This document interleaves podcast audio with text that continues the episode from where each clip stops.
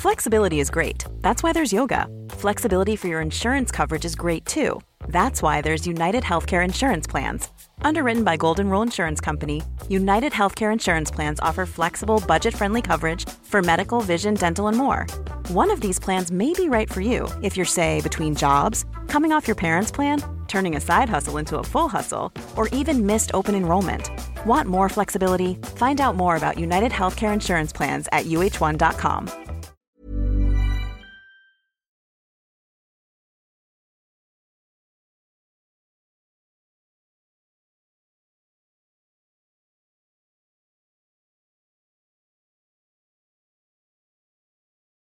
Hei og velkommen til en ny episode av Becoming. I dag så har jeg med meg en gjest i studio jeg har gledet meg lenge til å snakke med. Fordi da jeg var yngre og gikk inn og leste i Min mote ganske ofte, for jeg syntes det var så interessant, så var det én dame som der traff meg når hun hadde intervjuer, og det var Dagny Turman Moe. Og Dagny traff meg, for hun sa at hun ikke har hatt ett svart plagg i sin garderobe. Og jeg tenkte, er det mulig? Og så undersøkte jeg litt hvem Dagny er, og Dagny er faktisk landets mest fremste fargedesigner og har over ti års erfaring i faget. Hun er grunnlegger og kreativ leder av Koi fargestudio, og hun har skrevet bok for å hjelpe det norske folk til å implementere mer farger inn i livet og hverdagen. Og det jeg lurer på, som blir fokus i dag, er hvordan farger påvirker psyken vår, og hvordan, hvilke små, enkle grep vi kan ta i hverdagen ved hjelp av farger, slik at vi kan ha det litt bedre. Både med oss selv, men også der vi bor.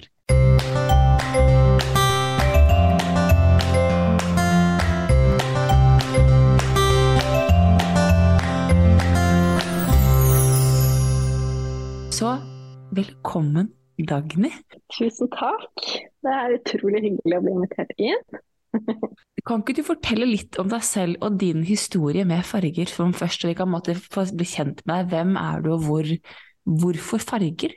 Ja, altså jeg var nok et ganske sånn vanlig barn når det gjelder farger. Um, barn har en veldig sånn intuitiv forståelse for farger og jeg er ofte veldig opptatt av det. Uh, det var jeg også. Så jeg hadde noen farger jeg ville ha på meg når jeg var i barnehagen, andre jeg ville kunne ha på når jeg var hjemme. Uh, byttet farger ut ifra humør. Uh, når jeg på, skulle begynne på barneskolen i første klasse, så fikk jeg innrede soverommet mitt. og da begynte jeg å bli interessert i farger i rom. Eh, og fra rundt 16-årsalderen begynte jeg å lese faglitteratur og forskning, alt jeg fant av bøker om farger. Um, fra sånn 20-25-årsalderen så ble jeg også interessert i da, farger og arkitektur, fordi det begynte å bli godt. Um, så jeg har vært en sånn fargenerd hele livet. Uh, det begynte vel egentlig veldig sånn helt vanlig som alle andre, og så tok jeg det på en måte med meg inn i tenårene og voksenlivet også, da. Eh, for det vi vanligvis ser med barn og deres interesse for farger, er at den begynner å svekkes i sånn 10-11-årsalderen, når de begynner å bli utsatt for trender og omgivelser på en annen måte. Um, og da går de mer inn i denne gråskala verden som vi på en måte har laget for oss selv. Jeg har jo eh, vært veldig opptatt av å snakke om farger ut også, så jeg hadde jo en helt annen karriere før jeg begynte å jobbe med farger.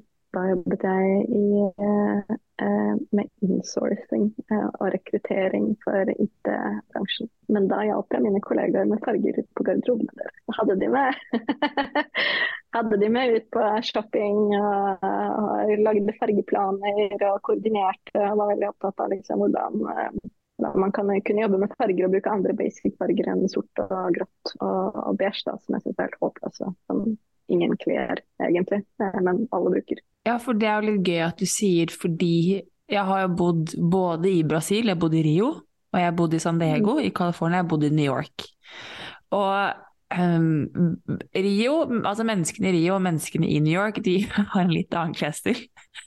Men Skandinavia, eller skandinavere, og, og, Norge er jo veldig basic. Veldig grå, veldig sort, veldig beige. Og da lurer jeg på hvordan er det da å være Dagny og skulle komme inn her? og si sånn til deg, la oss velge en farge som er rød i dag. Ja, altså for meg så har jeg vært veldig opptatt av fargehistorien vår. Da. Så Historisk sett så er ikke Skandinavia eh, grayscale i det hele tatt. Og Norge har vært det mest fargerike landet i Skandinavia, hvis vi ser på salgsstatistikker, fargebruk interiørt eh, på fasader og også på klær. Eh, og Norge er fremdeles det mest fargerike landet i Skandinavia. Da. Jeg har aldri syntes det har vært vanskelig å finne farger på klær, og jeg har aldri følt at det har vært noe utfordrende eller vanskelig å skulle ta på seg en rød genser, fordi folk blir så innmari glad med et på. Så man må jo på en måte tåle at folk sier oi gud, det her var en deilig rødfarge og, og sånne ting, men det er ikke noe særlig mer enn det som skjer når du tar på deg et rødt plagg. da. At folk rundt deg blir glad. Det visste jeg ikke at Norge er det mest fargeglade landet i Skandinavia. Det, det er ganske Men hva er det som er Hvordan tenker du at farger påvirker oss i hverdagen? Fra, for du, du, sier jo at du liksom har hatt både fargepaletten på hjulpet dine kollegaer med fargepaletten på klær, og så har du måttet bevege deg inn i rom og arkitektur, så du har tatt med hele Hvordan påvirker det oss? Altså det, eh, når jeg har lest all denne forskningen og disse studiene, og sånn, så er jo det som kommer frem at, forsker, at farger er eh, det sterkeste ikke-verbale kommunikasjonsverktøyet vi har. Så Vi ser farger i før form, og fargene bestemmer i stor grad stemning i et rom, både innendørs og utendørs. I tillegg til det så ilegger vi jo personer egenskaper basert på hvilke farger de kler seg i. Det gjelder særlig de vi ikke kjenner. Da. Det er ikke sånn at du tror moren din blir en annen person hvis hun får ta på seg en rød genser en dag, eller kanskje litt hvis du, hun har vært det skjer i livet. Men, eh, men, eh, vi er veldig lette å styre eh, ved hjelp av farger. Og det er vel kanskje retail-bransjen som bruker det mest effektivt. For de bruker farger på innpakning, altså pakningsdesign. De bruker det i forskjellige soner du skjønner basert på fargen at her er det salg f.eks. Du skjønner basert på fargen at dette er et eksklusivt produkt. Og alle disse reaksjonene er jo eh, intuitive, altså ikke bevisste. Da. Eh, og Det er jo der det blir litt skummelt når det kommer til det bygde rom utendørs, da, altså byene våre, eh, hvor vi reagerer veldig sterkt på en grå by, men vi kjenner ikke det. Altså, Eh, den reaksjonen er ikke veldig klar og oversatt i hjernen. Da. Man kan kjenne på ubehag og føle seg nedstemt, og sånne ting, men det er ikke alltid man forstår koblingen mellom det og alt det grå som er rundt oss. Og Det er jo det jeg på en måte har vært interessert i å øke bevisstheten rundt. og Det var jo også derfor når jeg skrev bok at jeg ville skrive om fargebruken vår på interiører, i, eller i interiører, på fasader, på klærne våre og på bilene våre, for at man skal forstå helheten. Og også forstå det at farger er ikke kakepynt. Da. Eh, det handler om helse, eh, og det handler om liksom det å ha det ta bevisste valg for å ha det godt i de angivelsene man er i. Og også kreve de angivelsene som blir bygget for deg, altså både sykehus og nybygde områder og sånne ting, at de også tar hensyn til hvordan mennesket faktisk reagerer på fargen av materialene som blir benyttet. Da.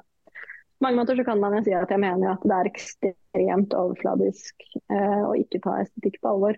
Men akkurat det jeg, har jeg måtte veldig forståelse for, for jeg har um her nå var det et par år siden så gikk søsteren min gravid, og så ble hun veldig Altså hun fikk svangerskapskvalme, sånn ekstrem svangerskapskvalme, så hun ble lagt inn på sykehuset. Mm. Og sykehuset det er kritthvitt. Ja. Altså, det, det, du blir jo sliten bare du kommer inn, og de er hvite. Og det er jo eh, Alt er hvitt. Det er null kontrast, det er null energi å hente. Men det som er trist med akkurat det, er jo at her eh, peker jo forskningen i en helt annen retning eh, når det gjelder hva som skaper gode sykehus. Da. Så disse hvite institusjonspregede rommene uten kontrast, som er på en måte standarden på norske sykehus i dag, det vet man gjennom forskning at kan forsinke rekonvalesens, altså hvor fort man blir frisk. Kan redusere din følelse av ro og velbehag. Du føler deg mer utrygg. Hvite rom øker kortisolnivået i kroppen. Altså, det er så utrolig mange negative effekter ved å ha hvite sykehusrom med sterilt, eh, hardt lys. Og det føles jo mer som et slags lagerrom som skulle vært brukt for å oppbevare IT-utstyr eller noe sånt. Ikke, sant? ikke noe som skal uh, romme levende vesener. Da. Det er egentlig veldig interessant at du sier det, for vi har i en tidlig episode så snakker Belinda med en psykolog som har brukt planter eh, ja. i sin terapi for det å få mennesker ut i mm. naturen. Eh, det å få mennesker måte, til å kjenne på det å stikke fingeren i jorden, det å måte, ha den kontakten med de fargene, med den planten og det livet, gjør også noe med psyken. Og det er jo en, Naturen er jo ikke grå. Nei, nei. Og det eh, som er viktig, vi jobber jo også med mye med planter når vi jobber med interiører. Og det er at farger alene kan man ikke reparere alt, men det er en viktig faktor. Og det samme er jo faktisk grønne planter. For det ser vi både kan øke fokus og konsentrasjonsevne, det kan redusere sykefravær, føle mer ro og velbehag når du omgitt grønne vekster. Eh, men det gjelder faktisk også naturmaterialer. da. Naturmaterialer er noe som vi vet også skaper ro og senker pulsen. Hvis du tar på en treplate i stedet for en glassplate, så vet vi at pulsen synker når du tar på uh, tre, og så øker den hvis du tar på glass eller stål eller betong. Så vi kan også jobbe med stressnivåene til giroen uh, ved hjelp av materialene vi bruker, fargene vi bruker, grønne planter, og så er det jo belysning som også er en viktig faktor. Det gir, altså sånn, vi snakket om det før vi startet podkasten, at sunn fornuft er ikke vanlig praksis. Men det er jo veldig intuitivt at hvis du mm. tar naturelementer inn i hjem For du sa at før på den så sier du at vi er 90% inne. Så det å å få naturen inn, da vil jo selvfølgelig være med på å senke roen og gi oss den kanskje litt mer, mindre følelse av stress, eller kan være med å bidra til det. Det gjør det.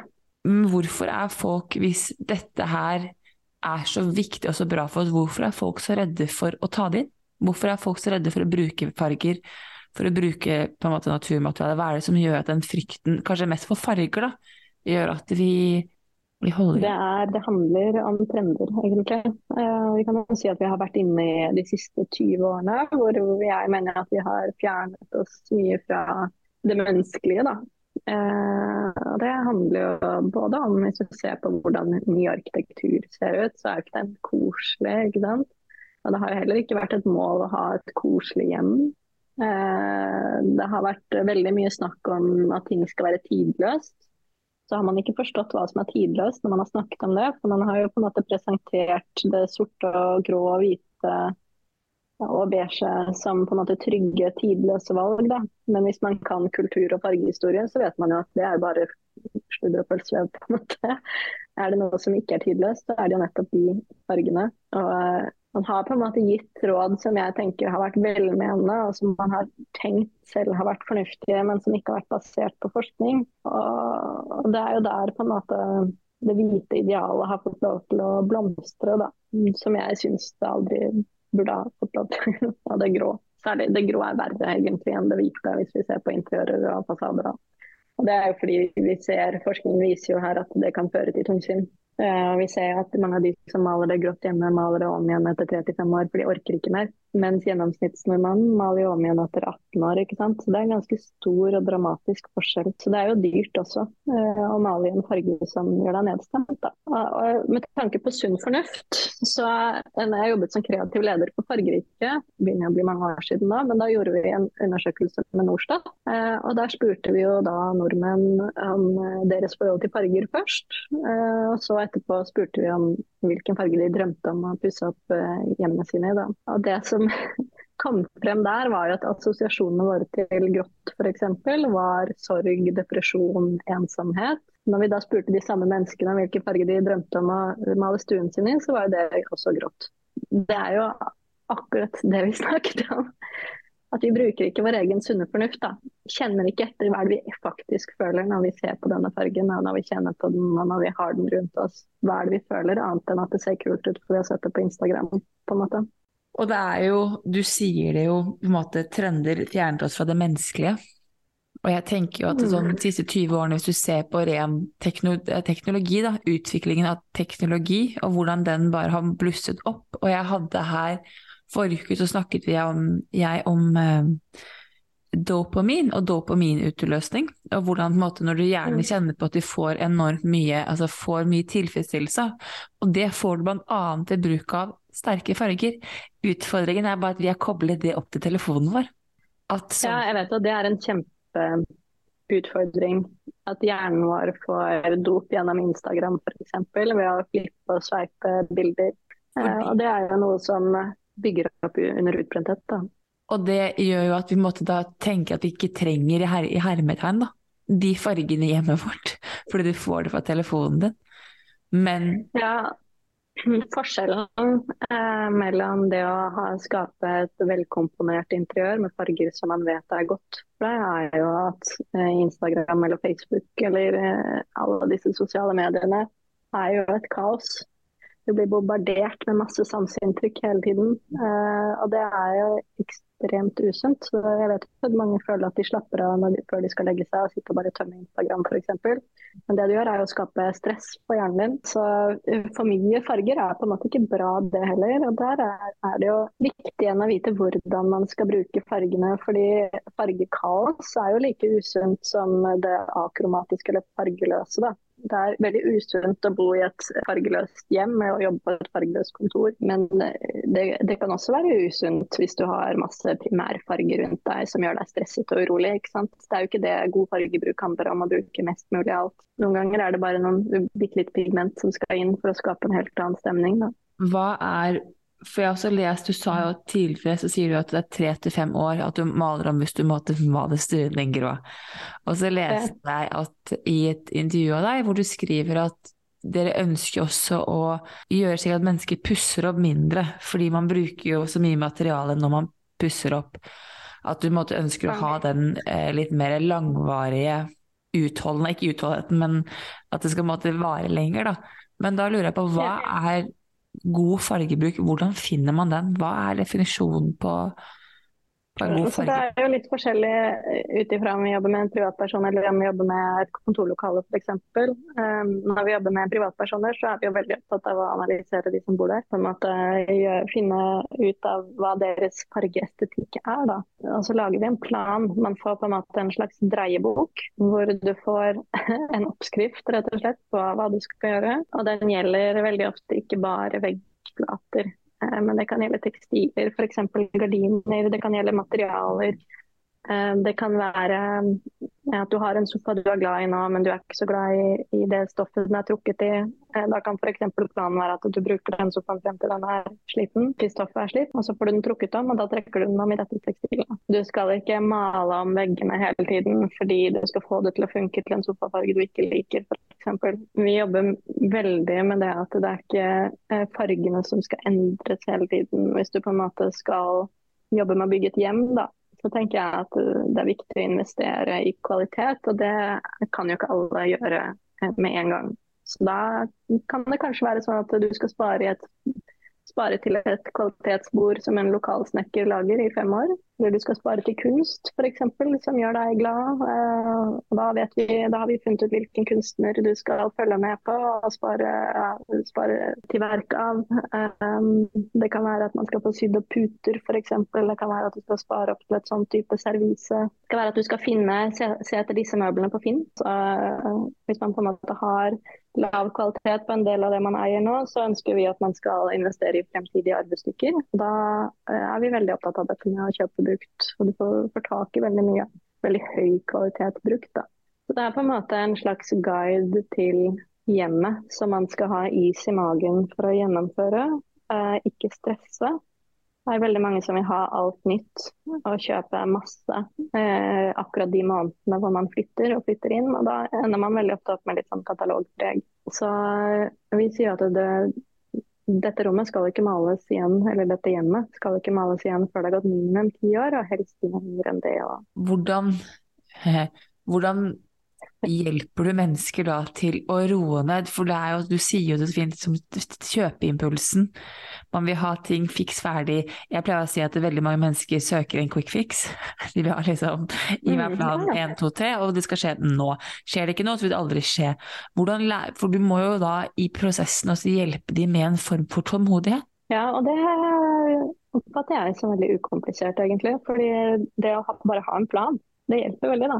Uh, hvis du sier at uh, OK, jeg vil gjerne ha et bord nå, men jeg har ikke råd til det bordet som dere har foreslått f.eks., for da pleier vi ofte å si at OK, da anbefaler vi at du finner et bord på Finn i mellomtiden. Og så kan vi bistå med fine, fine duker f.eks., hvis ikke det blir drømmebordet, selv om man helt fint kan finne drømmebordet på Finn. Og så kan man spare. For jeg er jo veldig opptatt av det at uh, det er ikke normalt at man skal kunne kjøpe en sofa på neste månedslønn. Det handler om bærekraft og det handler om eh, verdien av av objekter, på en måte. At vi er jo den første generasjonen som fyller hjemmene våre med fremtidig søppel eh, i stedet for fremtidige arvestykker. Og vi har lyst til å liksom trekke det litt tilbake igjen til fremtidige arvestykker. Og at vi ikke må kaste masse møbler på Ikea når vi skal flytte f.eks. Eller eh, fordi møblene blir ødelagt og sånne ting. Så vi er jo opptatt av denne robustheten. Eh, og det å jobbe mye med kundene våre på å finne ut av hva, hva smaken deres er. Hva er stilen deres og smaken deres og fargeestetikken. Liksom, hvor kan vi finne den røde tråden? Da? Og da går vi ofte langt tilbake i og ser hva denne personen har omgitt seg med av møbler, av kunst eller bilder, av klær f.eks. Har det noen objekter med affeksjonsverdi, hvordan ser de ut? ikke sant? Så um, vi vil jo på en måte bidra til at huset blir et hjem. og det er jo ofte noe av det vanskeligste. ikke sant? Og Det er også derfor folk ender opp i sånn shoppinghjul. Hvor man føler at det er noe som mangler, så kjøper man mer. Og så føles det fortsatt som at noe mangler, og så kjøper du enda mer.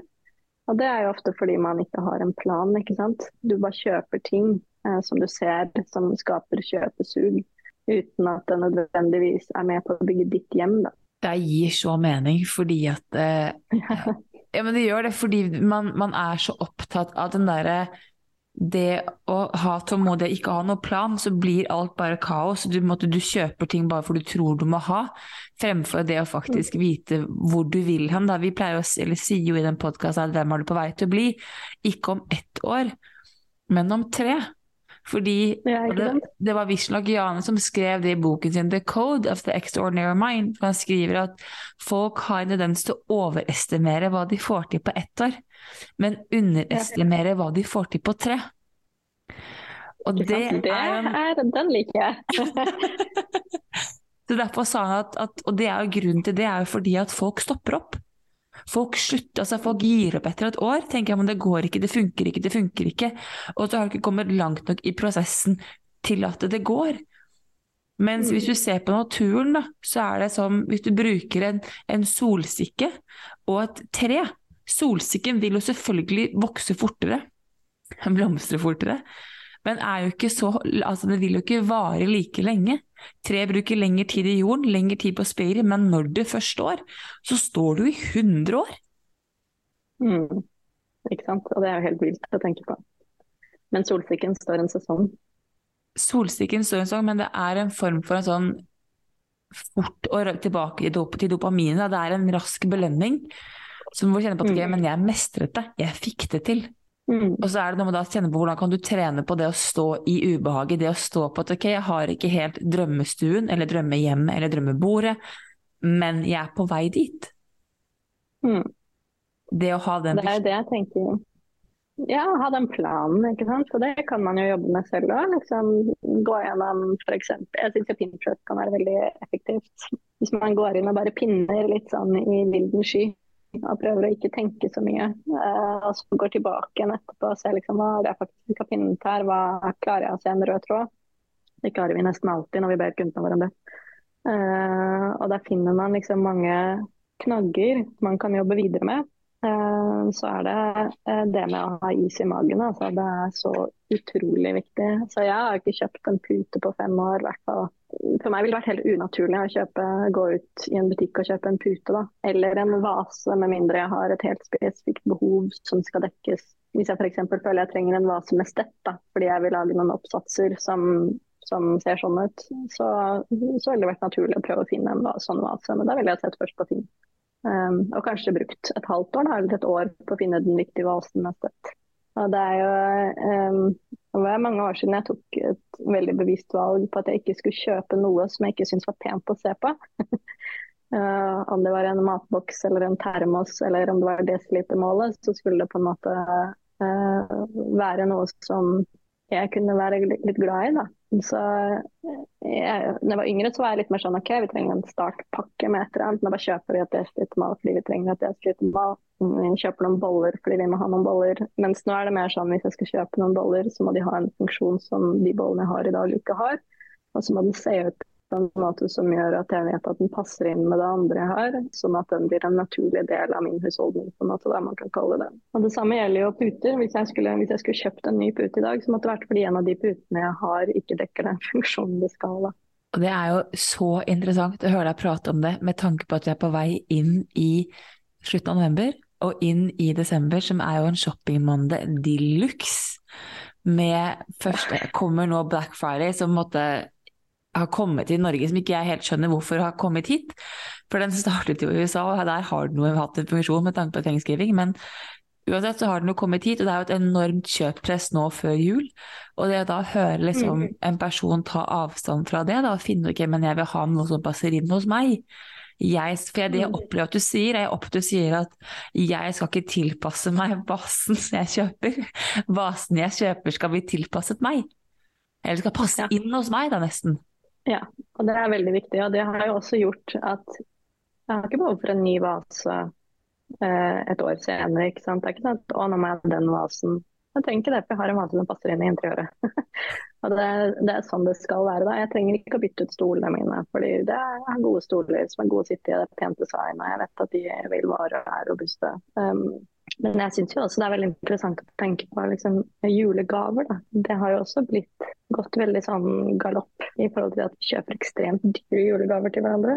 Uh, kjøper, uh, bruker liksom mangfoldige tusen. Og jeg syns det på en måte har gått litt bort fra det som var jul for meg før. da. Og det som kanskje var essensen med jul. Hvor jeg liksom hadde hyggelig sammen, spise god mat, være sammen med familien. Så jeg har jo hatt en sånn dialog med familien min i år hvor jeg snakket om at jeg gjerne vil at vi skal kjøpe billigere julegaver til hverandre. Ikke fordi ikke, Det handler egentlig ikke om å spare, det handler om at man kan få en god bok f.eks. Og at det er nok, da. Eller jeg kan ønske meg bivokslys, fordi det skaper god lukt hjemme, er idyllisk og brenner på en positiv måte. Altså, kan ønske meg tjukke ullstrømpebukser eller sokker. Altså, hvis jeg tenker tilbake på barndommen min, så er det jo faktisk det jeg husker best at jeg fikk, var at jeg fikk pysj, og så fikk jeg flere bøker. Jeg fikk veldig dyre gaver også på den tiden, for det var jo ikke helt ulikt da, men det har jo blitt mye, mye villere nå. Men det er pysjen av bøkene som liksom var den store idyllen på kvelden. Altså på slutten av kvelden, når man skulle gå og legge seg i den nye pysjen, og så hadde du noen bøker du kunne titte i. Og at det er noe fint over å få det, og at det ikke skal være så stort, da. Det, det er jo altså det er helt, helt nydelig med tanke på at vi lever som du sier, da, i en verden med enormt kjøpepress, med enormt hvor måte, ting skal bli større og større og større. Og større og større. Og det å tørre å ta, det, ta skritt tilbake da, og måtte ta det litt ned. Det å tørre å ha de samtalene her tror jeg er veldig, veldig viktig. På lik linje, Jeg tror det. På lik linje som vi sier, har sagt tidligere i podkasten, eller i denne episoden her, er at sunn fornuft er ikke vanlig praksis. Så det er veldig mange mennesker er enige om at ja, det er en god, en god idé, en god plan, og så er det litt vanskelig innimellom å gjennomføre, for man kjenner på at ja, men hvis de får, så må de få også. Det blir veldig sånn gi for å gi. Um, det blir en sånn press om å gi, som jeg tenker at er litt bort, som du mister den gleden av å gi, da. Det er i hvert fall min tanke. Ja, og så er det også det at man gir kanskje en del ting som bare er penger ut av vinduet, da. Uh, så du, gir, du skal finne på noen gaver. For du vil jo gi noe som folk helst vil ha, og så orker man kanskje ikke det der med å drive og base rundt i butikker i julestrien og sende noen opp og kjøpe et eller annet. Så er det kanskje ikke det mottakeren egentlig ønsker seg eller vil ha. Altså, jeg tenker at det, man, å, ja, det er jeg syns det er veldig fint hvis man bare hadde fått én gave også. Det hadde vært helt greit, ja.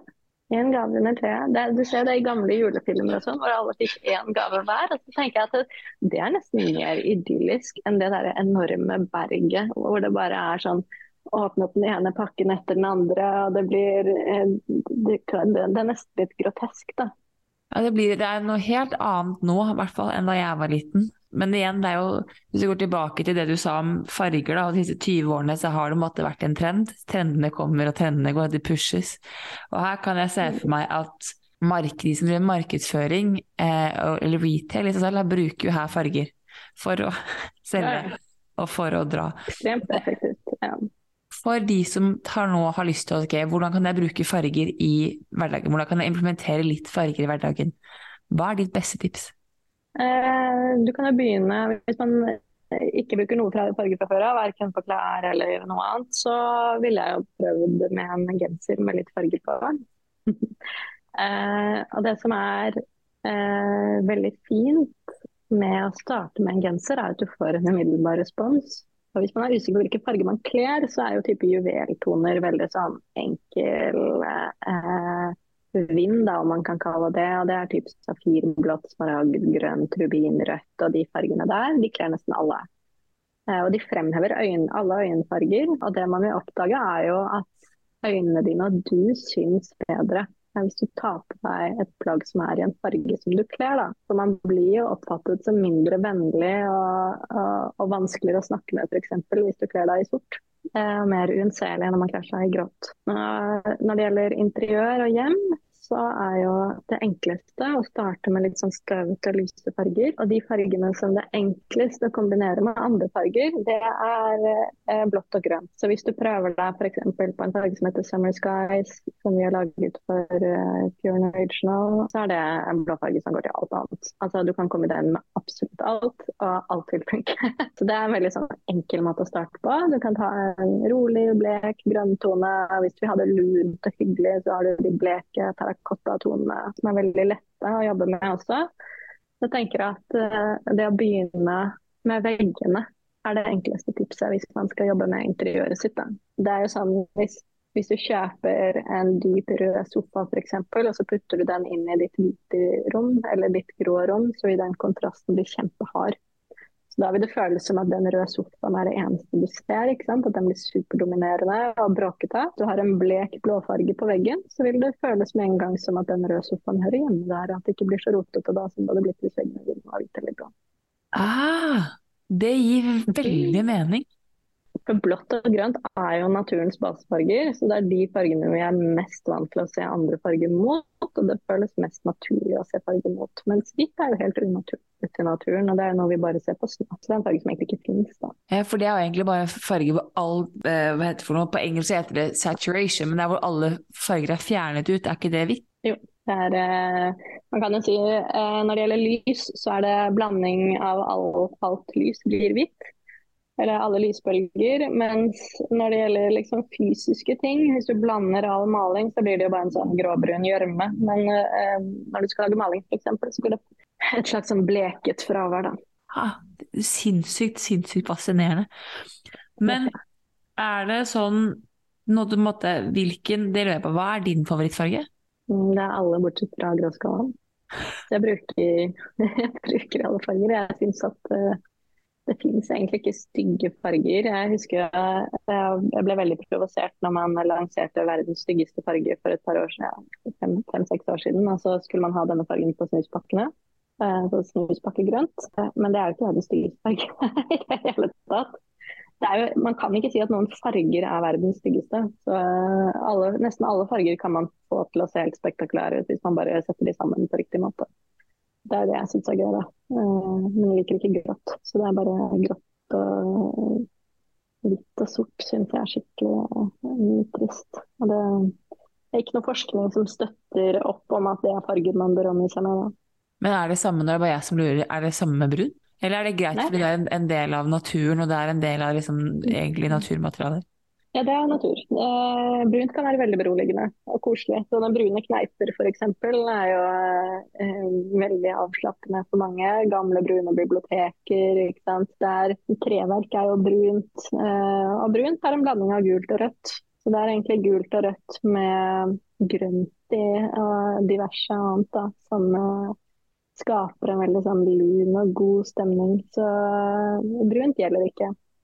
Beige det er heller ikke så big deal, eller det er ikke så farlig. Det kan man fint eh, jobbe inn hvis man får nok saturering eller pigmentfargen da, uten at det blir for dominerende. Altså, Dette her er kjempefascinerende, men det gir veldig mening for meg. Det gir kjempe... Ja, ikke sant?